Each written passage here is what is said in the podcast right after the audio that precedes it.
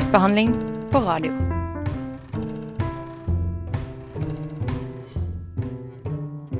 God Hallo og god morgen. Du hører på tekstbehandlingsprogrammet på Radio Nova. I dag skal vi ta dere gjennom noe vi liker å kalle en påskerøre. Det ligner ganske mye på alle andre rører. Rett og slett består det av mange ulike ting. Og i dag skal vi gjennom mange ulike tema. Blant annet skal vi bruke den neste timen på å reise vekk. Vi skal reise gjennom litteraturen. Og vi skal dra til et land vi kanskje vanligvis ikke leser så mye fra. I tillegg skal vi bruke sendingen på å være litt eksistensielle heller enn religiøse. Og vi skal snakke om verker av ulike eksistensialister som står våre hjerter nære. Så det er bare å henge på, kjære lytter. Vi skal innom ulike stemninger. Og forhåpentligvis skal vi også lage litt påskestemning. Jeg heter Julia, og med meg i studio i dag så har jeg Erik. Hei, hei. Hei, god morgen. God morgen. Og så har jeg Arthur. Hallo. God dag. God dag. God, God morgen. God morgen. God påske. god påske. God askeonsdag. Jo, takk for det. Og på teknikk så har vi deg, Benjamin. Det er veldig hyggelig. Ja, hallo. Det er bra at du ikke har ferie. Tusen takk for det. Og så lurer jeg på, har dere kommet inn i påskestemningen ennå? Erik og Arthur? Um, litt. Jeg har jo kledd meg helgult i dag. Du kler deg veldig godt. jo, takk. Skulle ønske lytterne så det her, men uh, i hvert fall, Jeg har jo ikke på en måte kommet 100% inn i påskestemninga enda, men jeg vet i hvert fall at Coca-Cola veldig sterkt prøver at jeg skal komme i påskestemning. Fordi at uh, Hvordan det? For at da jeg var på vei hit, så så jeg bare en sånn reklame på et sånn derre channel board. Du er sånn der channel board. Og så bare sto det bare sånn derre Gjør påsken magisk. Og så var det bare liksom så ut som liksom at det var en sånn Coca-Cola-flaske som bare lå i en krybbe eller noe. Bare, med masse sånn påskeegg Påskeegg rundt. Jeg bare er sånn Å ja, dere prøver å ta påsken også? Ja, fuck off. Ja, de har tatt litt patent på ordet magisk også, ja, føler jeg. Ikke sant? Ja. Ja, så var det, ja, De var jo innom jula også, var det ikke? det? Det var de som på en måte ga bilde til julenissen, var det ikke? det? Ja. Mm. Jo, for all del. Så ja. Du, har du lyst på en diabetisk påske, vær så god, her er det Coca-Cola. Det er bare å gønne på, liksom. Men skal ikke påsken være litt diabetisk? Jo, den skal vel det. Men ikke Coca-Cola, syns jeg. Nei, da er det solo. Synes Solo, jeg. ja. Solo. Ja, ikke sant. sant? Så ja, for, være med deg, Erik? Har du kommet inn i en påskestemning? Eh, først og fremst så visste jeg ikke at det var askeonsdag i dag. Jeg har aldri hørt ordet askeonsdag før. Så eh, det Da må jeg kanskje si nei. For jeg hadde jo også forelesning på mandag. Hæ, hvorfor det? Nei, det var bare en gruppetime, liksom. Okay. Så da måtte jeg gi den. Hvilket fag er det som fortsatt har forelesninger i påsken? Nei, HF. HF. På HF så har de, Ja, har du fortsatt det. ja. Men eh, ja, jeg vet ikke. Jeg skal reise i dag da, senere, så mm. det blir bra. Opp på fjellet en tur. Første gang på tre år faktisk at jeg er ute av byen i påsken. Så det blir gøy. Wow, så stas. Hvilket Ja. fjell skal du til? Jeg skal på Gålå. Så sykt fint. Det blir gøy. Det er fint. Fint på Gålå. Du har vært der? Ja. Mm. Ja. Der er det flott. Men det jeg også lurer på, nå som vi liksom snakker om påskeferie um, Hva har dere tenkt til å lese i påsken? Erik, du først. Hva tenker du? Ja, altså jeg eh, pleier å lese ikke altfor mye påsken, egentlig. Men denne påsken har jeg bestemt meg for at jeg skal lese en bok, en krimbok, uh, som jeg har blitt anbefalt, som heter And Then There Were None. Uh, jeg har hørt om den så vidt. Uh, jeg vet at den er skrevet av Agatha Christie. Mm. Men du hadde lest den, var det ikke sånn? Jeg har lest den. Ja. Jeg var veldig glad i den da jeg var yngre. Den er Ja. jo på en måte ekkel. Veldig kult konsept. Eh, Veldig dårlig, dårlig navn på norsk, men eh, det, ja. Men den er i hvert fall Det er en av de bøkene som ikke har på en måte følger med i tiden da, og bruker n-ord i tittelen. Så det er liksom litt uheldig. Men, eh, men innholdet er veldig bra. Okay, ja. Og grunn, grunnen til at tittelen er som den er, er jo av et barnerim. Og det barnerimet blir liksom gjennomgående gjennom hele boka. Ja. Og så er jo liksom situasjonen der. Ti mennesker på en øy. Mhm. Hva skjer? Hvem er det som har em, vonde intensjoner? Nei, jeg gleder meg. Ja, gleder jeg meg Det er veldig, det er veldig bra skrevet. Det er veldig spennende. Det er Mhm. klassisk Agatha Christie på sitt beste, liksom. Ja. Mm. Hva med deg, Arthur? Uh, hva jeg har tenkt å lese i uh, påsken. Ja, eller gjøre. uh, um, Vet du hva, For å være helt ærlig så har jeg på en måte hatt en liten sånn motivasjonsdypp med lesing i det siste. Så jeg har liksom ikke kommet meg ordentlig inn i det etter at jeg har hatt eksamen. Og så var jeg på ferie en uke, så jeg har vært litt sånn derre uh, jeg, jeg driver liksom og leser øh, 'Pesten' av øh, Albert Camus, som øh, passer inn i det eksistensialistiske temaet vårt. Men den er sånn vanskelig å løfte opp. Så jeg vet ikke helt, jeg. Kanskje Kanskje bare prøve å ikke lese eh, sukkerinnholdet på soloen jeg kommer til å drikke når jeg er hjemme på påskeferie. yeah. På etiketten. Um, kanskje se litt film. Er du noen filmer du har tenkt på? Uh, Oldboy har jeg veldig lyst til å se. Eh, fra 2003.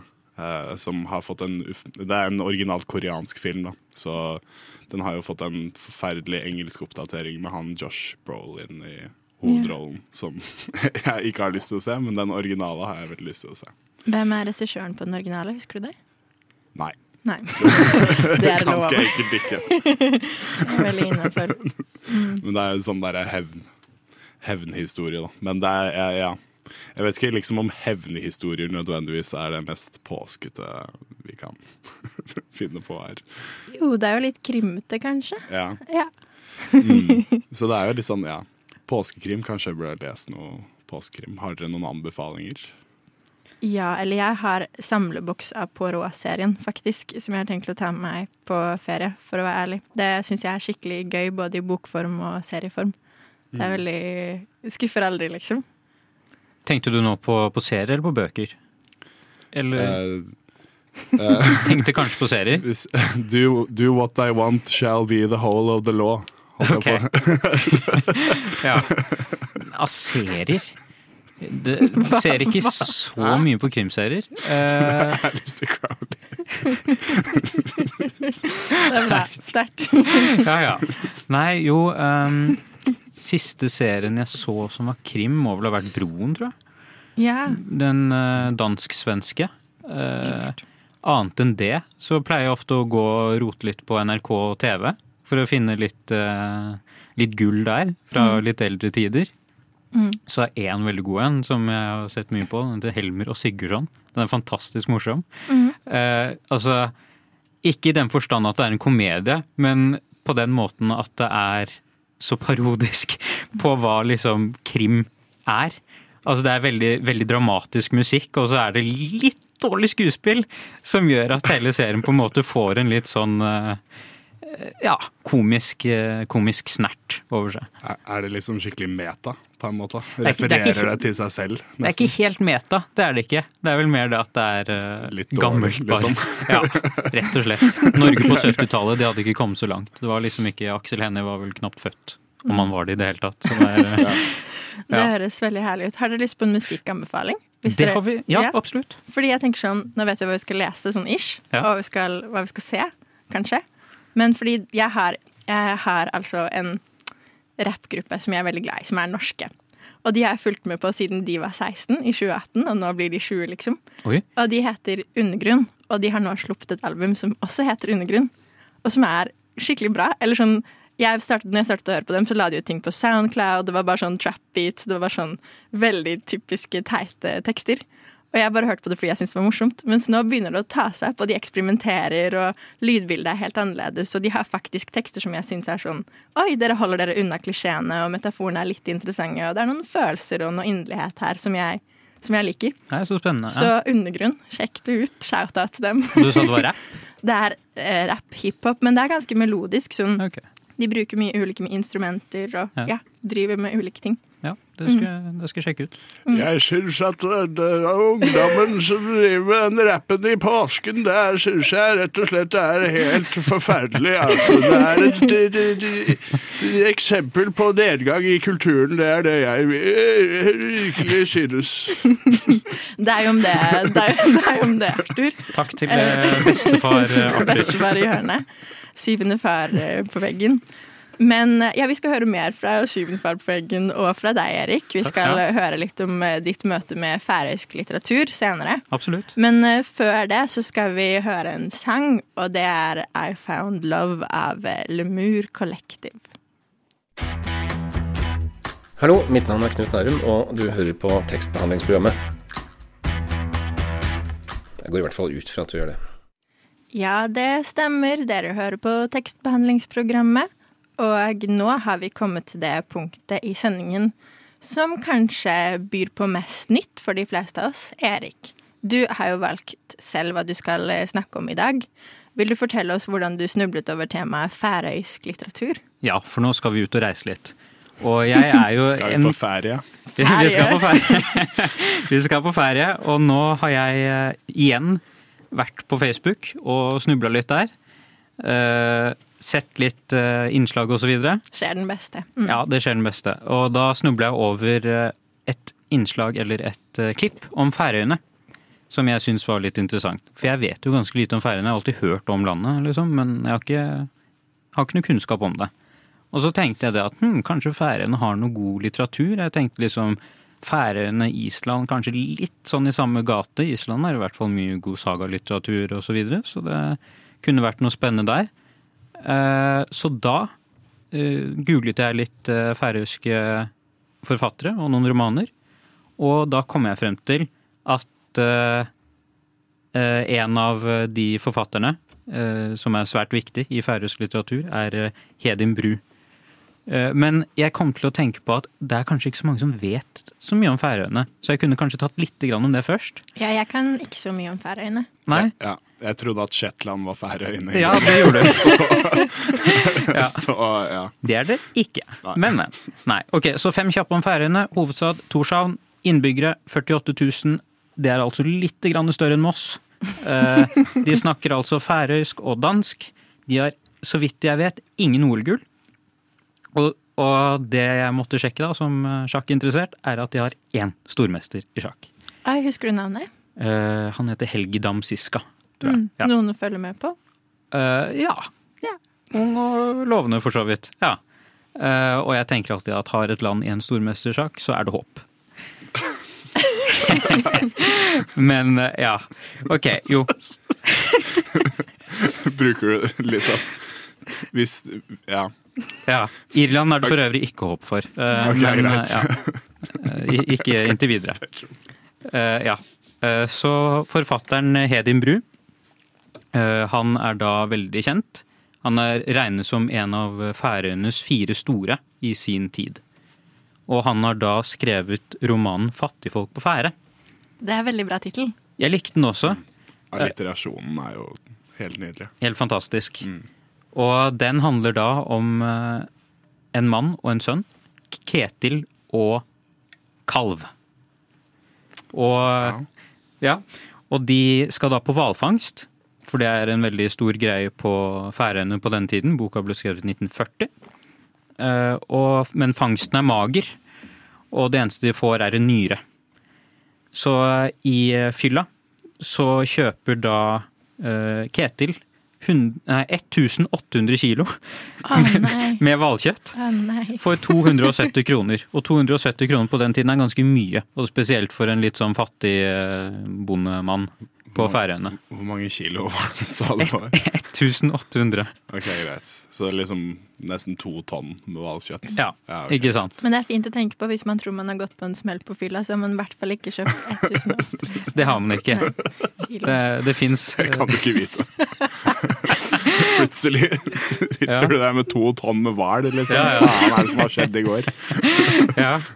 Nei, og da, ja, da sitter han der da, med skjegg i postkassa. Hva i all verden er det han skal gjøre nå? Nå har han jo, nå har han jo sløst bort alle pengene til både han og kona og kalv.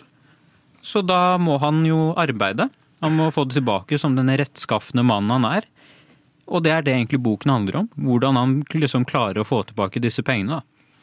Og det jeg først tenkte var at dette kommer til å bli en ekstremt tragisk historie. og Han kommer til å slite, og det blir en ny sult, sånn som i Knut Hamsun. Nesten litt sånn Den gamle mannen på havet av eh, Hemingway. og eh, Blir ledd ut og støtt ut. Men det er faktisk ikke sånn. Færøyene er et vennlig sted. I bunn og grunn. For han får en ganske grei frist. Han får til nyttår. Jeg er ganske sikker på at dette er sånn rundt kanskje august, september-oktober et sted. Så han får til nyttår for å betale tilbake gjelda si. Eh, Selvsagt blir han litt latterliggjort av barna sine. Litt sånn eh, her kommer du til oss og ber om penger for å betale ned en gjeld du har eh, på hvalkjøtt, på en måte. Men eh, annet enn det så er det en ganske fin historie om liksom han og kalv som drar ut på havet og prøver å finne drivved, eksempel. Det er litt sånn uh, vanlig vare å fyre med mose og, og torv og sånn. Uh, men uh, ja, så de må på en måte Føler du liksom at uh, Unnskyld. Ja. Uh, føler du liksom at uh, på en måte historien om Er det Ketil?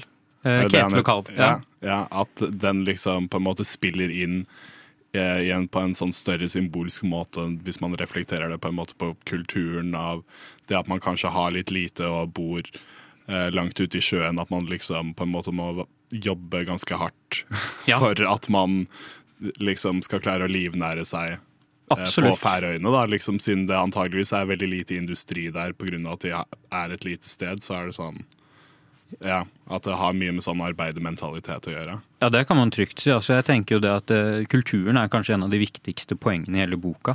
De er jo kjempekristne. Altså, det er liksom Gud, hva har jeg gjort? Og nå må jeg liksom arbeide i kristen ånd for å få tilbake pengene. I tillegg til at det er en generasjonskløft som er litt morsom. Altså, Du har de gamle som sier at de unge er bortskjemt og ønsker eh, vil bare ha. De vil bare ha, ha, få meg og mitt. Mens de, de, de unges begrunnelse er at uh, vi vil frem som de andre landene i verden. Altså vi vil ha det som vi fortjener fordi verden går frem og industrialiserer seg, på en måte. Så interessant. Ja, Det er det. Så, og det er jo også en komisk bok, selv om det er litt, litt trist at de må på en måte spare på melka og vanne den ut, og de må slå i hjel kua, som boken slutter med. At det er eh, det som er på en måte verste. Må de slå i hjel kua for å få penger? Eller? Ja, for å få penger. For da sliter de veldig. Og ja. Mm, Men det er jo liksom den eh, Det er jo virkeligheten, da. Det er jo på en måte viktig å, å anerkjenne det. Eller liksom at hvis, hvis man er ja, ja. Hvis man har en kultur der det er en del fattigdom, på en måte, så er det jo viktig å på en måte bearbeide det gjennom kulturelle ja. verk. Det er vel det. si. Altså Færøyene var vel ikke nødvendigvis et så veldig fattig land, men det var vel det at det eksisterte fattige folk der. Altså Mm. Det var jo i grunnen et veldig godt samfunn, fredelig og fint. Eh, Men eh, ja, du har jo de som da sliter. Og jeg syns jo det er en veldig fin historie, det er det jo. Mm. Ikke sant. Kona er jo veldig støttende, ikke sant. Hun sier på et tidspunkt at jeg eh, eh, syns mer synd på deg enn jeg skammer meg over deg. Mm. Eh, som jeg syns er veldig fint, da. Det, mm. det er veldig sånn Kona og han har veldig sånn couple goals, vil jeg si. De Ja. holder rundt hverandre og gråter om kvelden og kan glede seg sammen når de tjener penger. Så de skylder liksom ikke på han. De, de står eh, sammen i, De står sammen. i hvalkrisen. Ja. Mm. Det syns jeg er viktig å ta med seg i disse påsketider. Hva føler du hver av karakterene på en måte eh, representerer? Eller sånn Ketil, er han en slags sånn Hva skal man si? En slags sånn eh, Han er den unge, rett og Ja. slett. Han er litt ung, litt dum, kanskje litt grann bortskjemt. Eh, Men han følger jo etter faren og vil jo gjøre så godt han kan. Og de gamle er, de gamle er eldst, kan man helt klart si. Kristne, fromme, mm. eh, sta. Så det generasjonsskillet, det dreier det seg Ja. mye om, liksom. Jeg vil si at generasjonsskille kanskje er en av de viktigste temaene. Mm. Men ja, Men er de liksom spesielle Er det er de sånn fundamentalistisk kristne, på en måte? Eller er de sånn bare sånn ja. Kanskje jeg spør kanskje Nei, vanskelig nå. Det, det er det nok ikke. Det er det absolutt ikke. Men det er jo enkelte ting som eksempel da Kalv har har, eh, sex for ekteskap. Så det er faktisk et morsomt stikk mot Danmark. Så er det litt sånn, ja, man kunne, man kunne hørt om dette her eh, som har skjedd i Danmark og København, eller kanskje i Torshavn, men dette kunne aldri skjedd i vårt lille samfunn. At noen har sex for ekteskapet. Så det er jo OK! Ja, ok. Det er veldig, det er veldig interessant, da. Ja. Og fint å høre om. Ja. Eh, og eh, vi skal høre mer interessante ting i denne sendingen. Men eh, før det skal vi høre en sang av Baksås og Høyer, nemlig 1111. Tekstbehandlingsprogrammet for deg som vil ligge på en skinnfell foran peisen og drikke vin og høre på gode bøker. Og så begynner vi. Ja, jeg håper du ligger på en skinnfell foran peisen og drikker vin. Vi sitter i et studio på Majorstua og drikker kaffe. Og nå skal vi fra færøysk litteratur til eksistensialismen.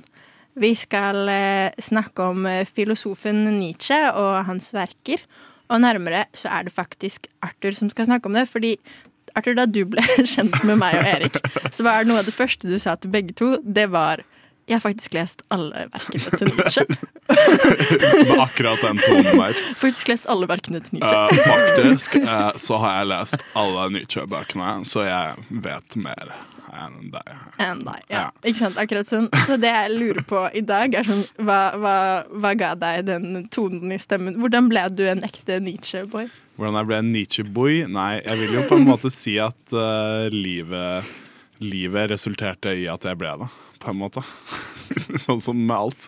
Um, uh, og det var på en måte bare at Det var liksom uh, Det var en kveld der jeg bare liksom satt og så på sånne YouTube-introduksjonsvideoer til filosofi. Sånne veldig sånne korte sånne der, OK, greit. This is what uh, This is what Nietzsche is about. This is what uh, Kant is about. Bare masse sånne. School of Life? Ja, kanskje. Kanskje ikke. det var flere forskjellige. Uh, og liksom før jeg så Jeg så kanskje sånn fire videoer uh, da. Og før jeg på en måte så de videoene, så eh, kunne jeg liksom ikke noe Nietzsche, sånn egentlig. Jeg kunne litt. Eh, jeg visste at jeg var veldig glad i et uh, sitat uh, som jeg skal lese nå, fra 'Slik talte Sarathustra, uh, og det er Jeg er en skog og en natt av mørke trær, men den som ikke frykter mitt mørke, vil finne rosebredder under mine sypresser. Så jeg, liksom, det resonnerte veldig med meg da jeg leste det. Men eh, det var egentlig hovedsakelig på en måte noe som ble formulert gjennom Nietzsche, og det var hans relasjon til eh, sjalusi, som på en måte resonnerte veldig med meg da jeg hørte om han i den, i den videoen. Og sjalusi, liksom, ifølge Nietzsche, er kanskje den viktigste følelsen eh, mennesker føler på. Eh, han eh, kalte det for ressentiment, eh, som er fransk ord for uh, liksom ja. Resentment. Ja. Mm.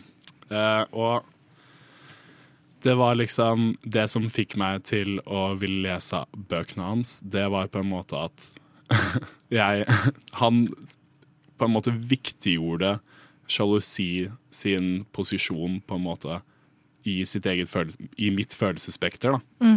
Og da var det basically bare sånn Oi, hvorfor, hvorfor al, før, det, før jeg på en måte innså hva liksom sjalusi er ifølge han, uh, så så jeg på meg selv på en annen måte, fordi at Hva kan man si? Jeg, jeg, jeg føler at alle har vonde følelser. Eh, vonde følelser som de på en måte prøver å flykte fra, liksom. Eh, og det på en måte Nietzsche sier da angående eh, ressentiment, er at man på en måte må anerkjenne sjalusien sin, og at man ikke skal frykte fra, fra det.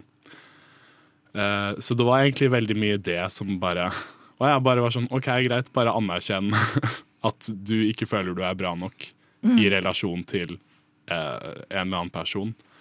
Eh, og da jeg på en måte gjorde det, liksom Jeg applya det på meg selv, så var det sånn Å ja, så fikk jeg på en måte mye mer sånn Vet ikke jeg, kontakt med mine egne følelser. Så det er en veldig sånn personlig Personlig historie, liksom. Veldig personlig relasjon jeg har til, eh, til eh, bøkene hans. Men da var jeg sånn OK, greit, jeg må bare lese mer av han. Um, For det var nesten litt selvhjelpsaktig. Du fant Ja. uh, consolation i det. ja, man, ja, på en måte fordi at um, Jeg føler liksom at spesielt sånn uh, Jeg vet ikke. Spesielt kanskje i det norske samfunnet så er vi veldig sånn Og vi skal på en måte være fornøyd med det vi er.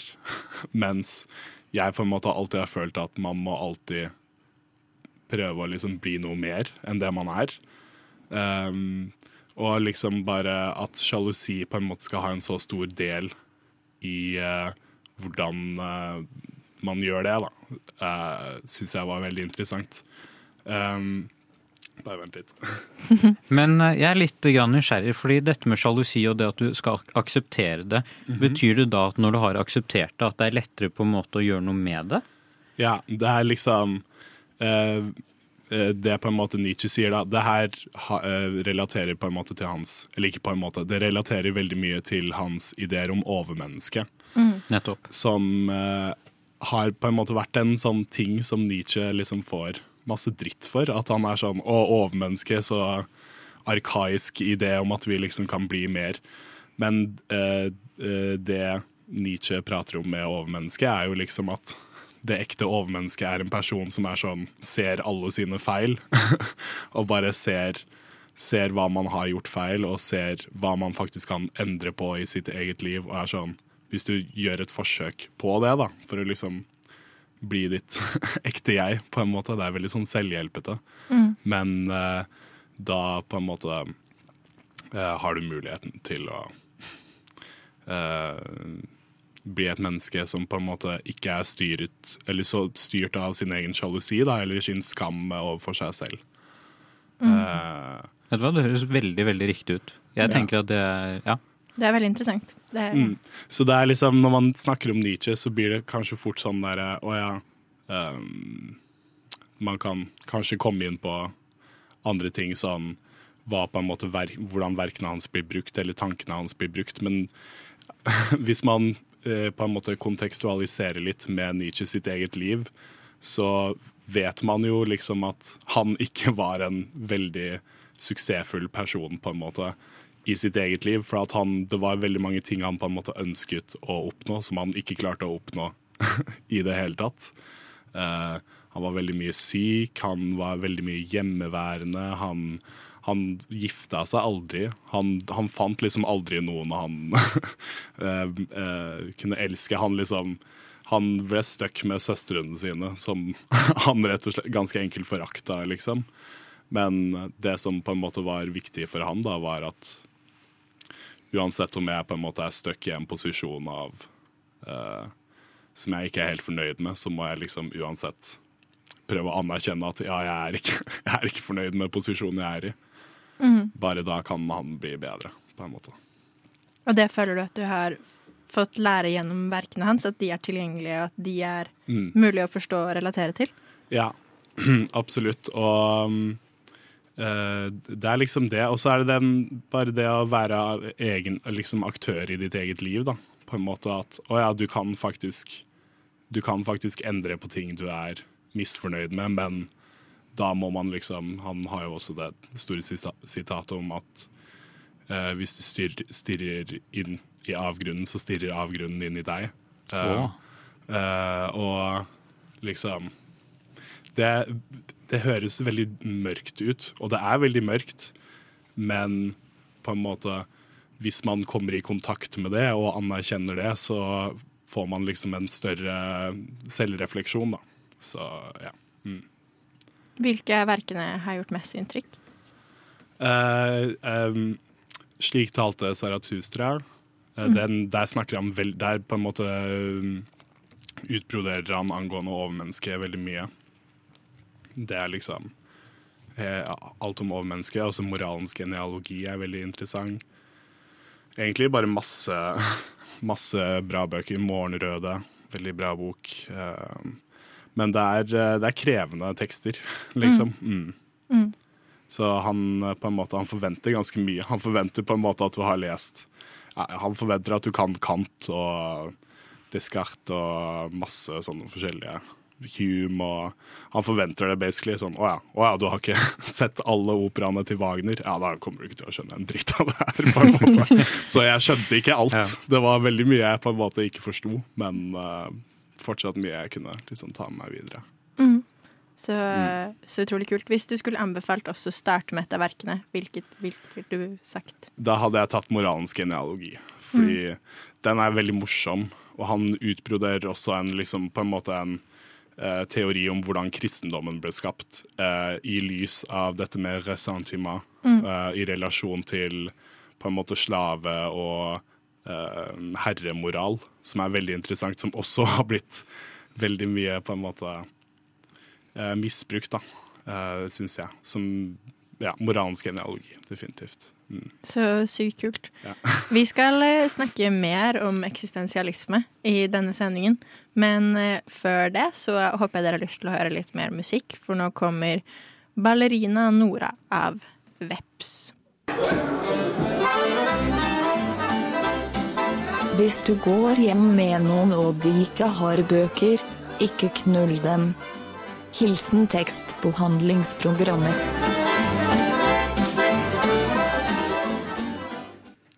Og det stemmer. Det er det viktigste dere kan lære her i tekstbehandlingsprogrammet. Bøker som kvalitetstegn på mennesker. Eller hva? Absolutt, eh, Julia. Ja. Det er den eneste Nei. måten jeg uh, skaper verdi. Ja. Heldigvis så er det ikke det eneste vi vurderer hverandre etter, da. Tror Har du jeg. ikke lest Nietzsche? Neste. Æsj. Nei, Har du lest Nietzsche? Det var skremmende. red flag. Ja. Men, eh, men altså Fordi jeg har ikke lest Nietzsche. Em, jeg vet det er jævlig flaut, men jeg har ikke lest Nietzsche. Uh, men, men jeg føler jo på en måte at jeg kjenner til uh, Nietzsche og den eksistensialistiske tradisjonen ganske godt likevel. Og det er fordi at da jeg var uh, 17 og eh, eh, kattejente og eh, leste bøker og gikk med kortfløyelsbukser og ullgensere, så, eh, så leste jeg selvfølgelig Simone de Beauvoir, eh, som seg hør og bør. Em, og hun bygger jo på veldig mye av Nietzsche sine ideer. Hun bruker veldig mye av hans tanker. Um, men jeg må si sånn Jeg er egentlig ikke så kjent med hennes filosofiske verker. Uh, og hun så ikke primært på seg selv som filosof, men som forfatter.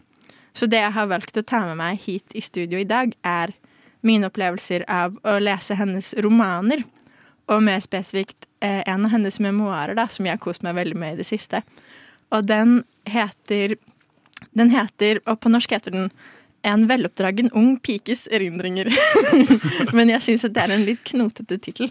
Eh, og på engelsk så heter den 'Memoirs of a Dutiful Daughter'. Som er eh, Det var litt mer snappy, syns jeg. sant? Det er veldig flott, eh, og det reflekterer liksom veldig mye av, av innholdet, liksom. Jeg har Jeg syns den er helt fantastisk, eh, fantastisk skrevet. Det er veldig memoarform og veldig sånn hun, Veldig sånn fortellende og refererende om sitt eget liv. Eh, og ofte så er det veldig mye hennes refleksjoner om egen oppvekst. Men jeg syns det er så godt gjort å ha en så på en måte eh, inne, eller liksom selvreflekterende stil, og likevel klare å gjenskape øyeblikk og ha levende beskrivelser og vekke ting til live igjen på en måte som engasjerer leseren, og får meg til å føle at sånn OK, jo, Paris på 1920-tallet, det angår meg. Jeg føler at jeg er der. Jeg kan forestille meg hennes verden.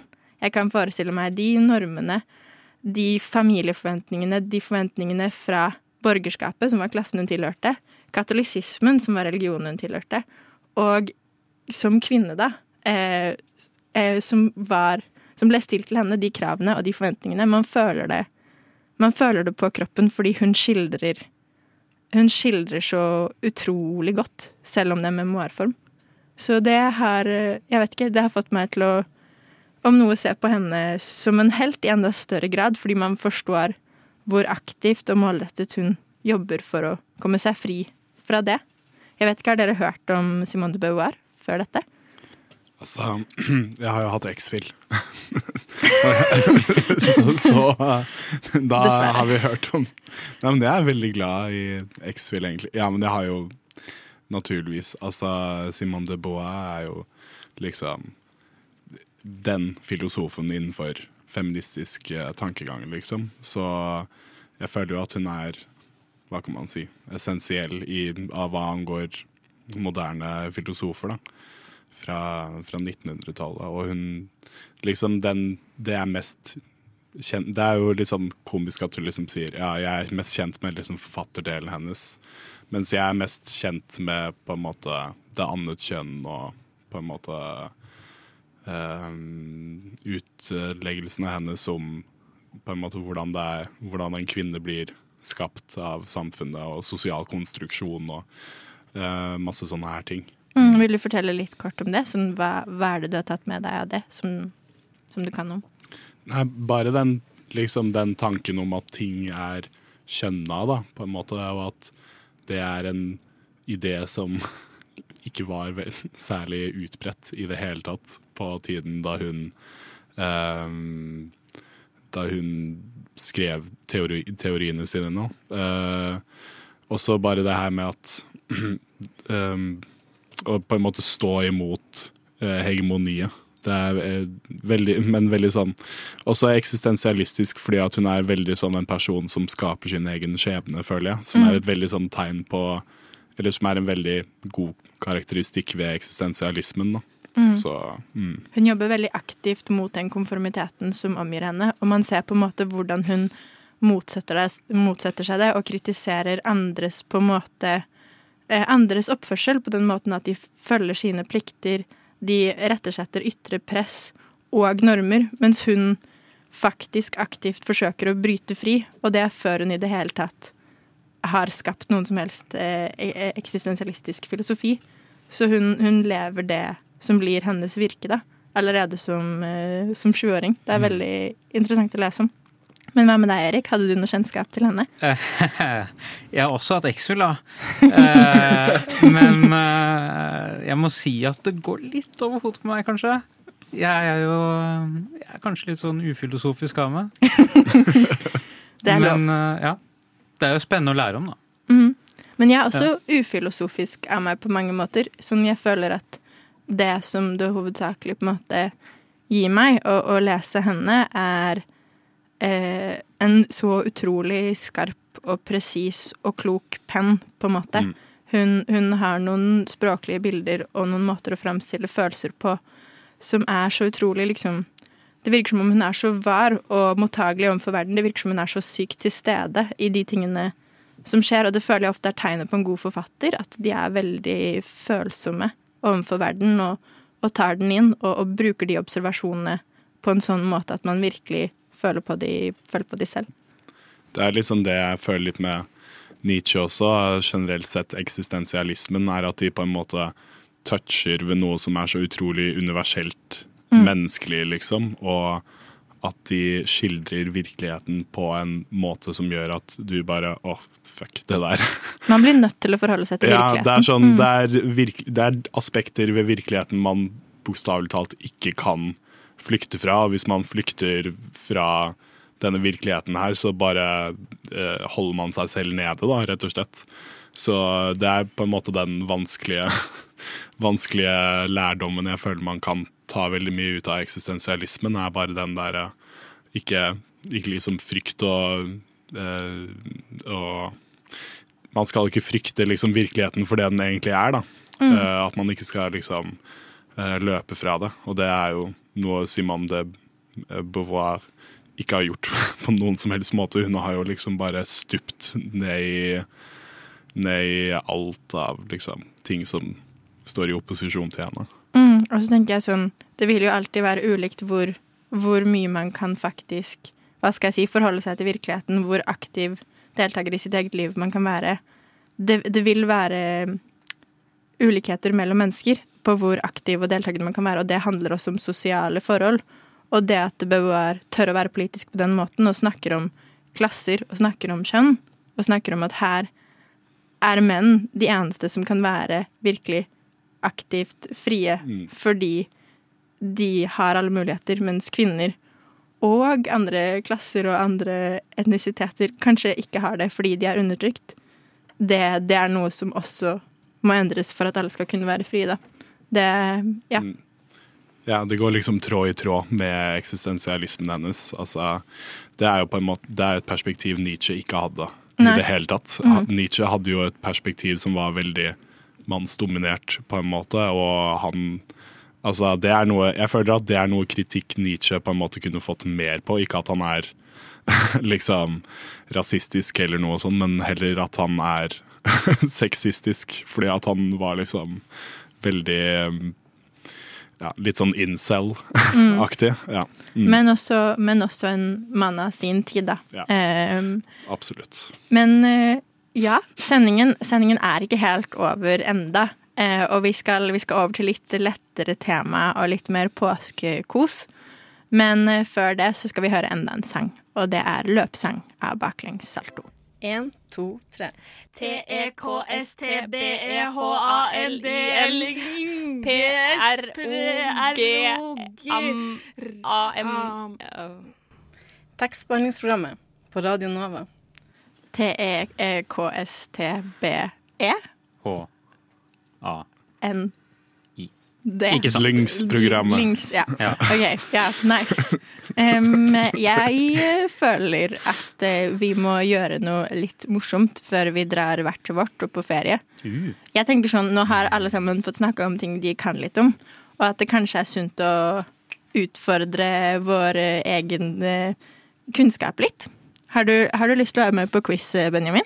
Ja, Ja. jeg blir med. Woo! Hva med dere? Er dere klare for quiz? Veldig klare. Ok, nice. Det her er en blanding av aktualitetsquiz og, og litteraturquiz. Og bare det jeg kom på quiz. Så get ready. Um, Er det sånn førstemann til uh, Førstemann, dere sier navnet deres. Den okay, første som sier ja. navnet sitt, får svare. Ingen, ingen for høye lyder fra Arthur. Eh, ok, er dere klare? Um, første spørsmål er uh, hvilket år døde Nietzsche? Eh, Arthur. Ja. Uh, 1900. That's, that's right. Ja. Ah, ja. Dessverre. Et, poeng, et poeng til deg. Whoop, whoop. Mm, og det neste er um, Er det noen som kan fortelle meg på eh, Fortelle meg hva er navnet på den nye forsvarsministeren vår?